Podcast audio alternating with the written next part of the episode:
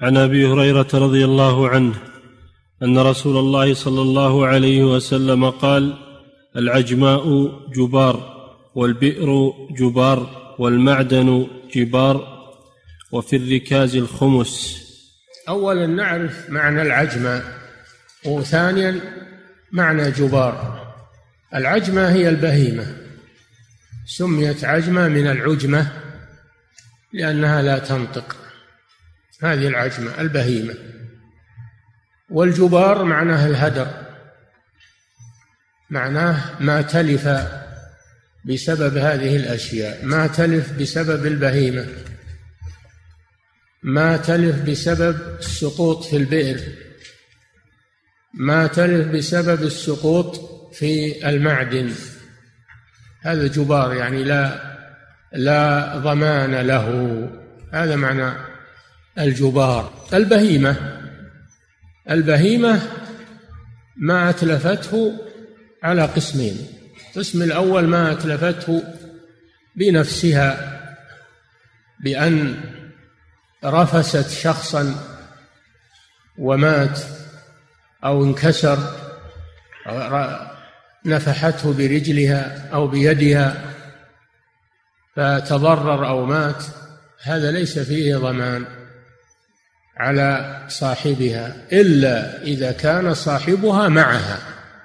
إذا كان صاحبها معها هو الذي يسوقها أو راكب عليها أو يقودها فإنه يجب عليه أن أن يتعاهدها وأن لا يتركها تتلف الناس أو تضر الناس لأنه معها هو.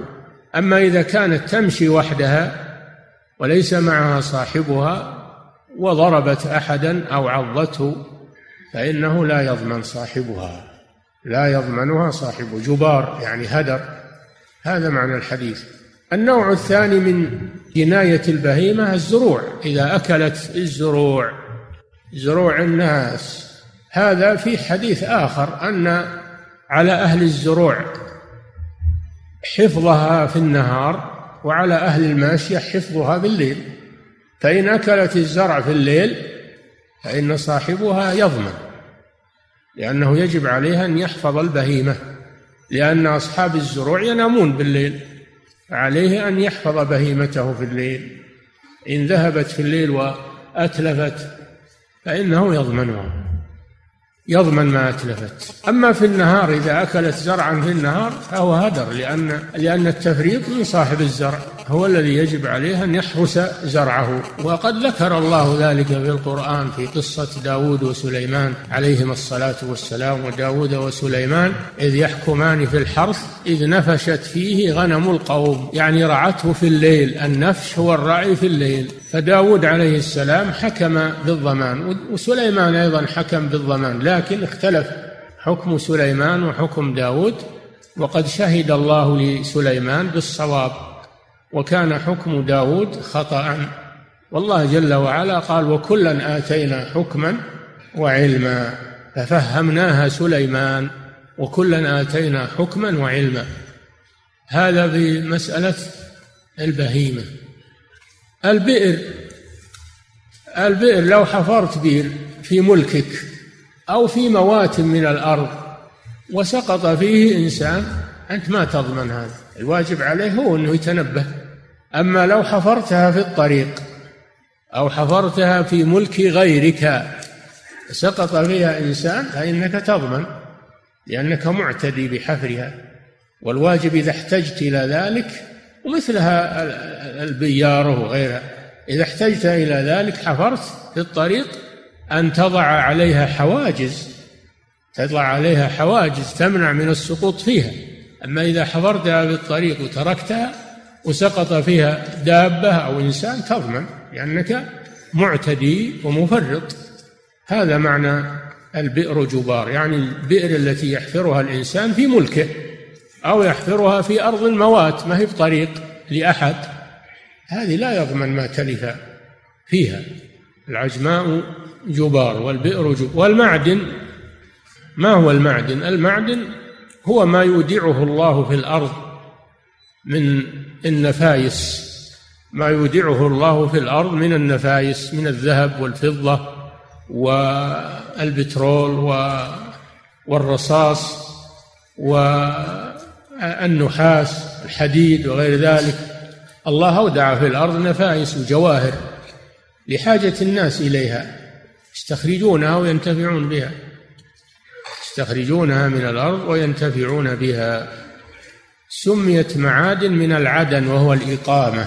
يقال عدن في المكان إذا أقام فيه ومنه جنات عدن جنات إقامة لا رحيل منها. عدن يعني إقامة. ما معنى قولها المعدن جبار؟ معناه لو حفر إنسان معدنا في الأرض وجاء إنسان وسقط في الحفرة أنه لا يضمنه لأنه مأذون له في الحفر. مأذون للإنسان في الحفر. إلا إذا كان الحفر في طريق الناس أو في شيء يحتاجه الناس فلا بد من آه، وضع حواجز عليه. أما إذا حفر المعدن في البراري أو في الجبال أو في وسقط إنسان فإنه لا يضمنه هذا معنى قوله صلى الله عليه وسلم المعدن جبار. نعم. وفي الركاز الخمس هذا محل الشاهد من الحديث. يعني العجمة والمعدن وهذا ليس له مناسبة. المناسبة في آخر الحديث. وفي الركاز الخمس. ما هو الركاز؟ الركاز ما وجد من دفن الجاهلية قبل الإسلام. إذا وجد ذهب أو فضة أو حديد أو غير ذلك من الأموال المدفونة وهي من أموال أهل الجاهلية فإنها لواجدها. فإن الركاز لواجده ولكن يدفع الخمس لبيت المال يدفع منه الخمس لبيت المال وأربعة أخماس تكون لواجده. هذا معنى الركاز. والخمس هذا نوع من الزكاة. نوع من الزكاة يصرف مصارف الزكاة. لذلك ذكره المؤلف رحمه الله في كتاب الزكاة. أما ما وجد من مدفونات المسلمين ما وجد من مدفونات المسلمين وعليه علامة المسلمين فهذا حكمه حكم اللقطة. حكمه حكم اللقطة. نعم.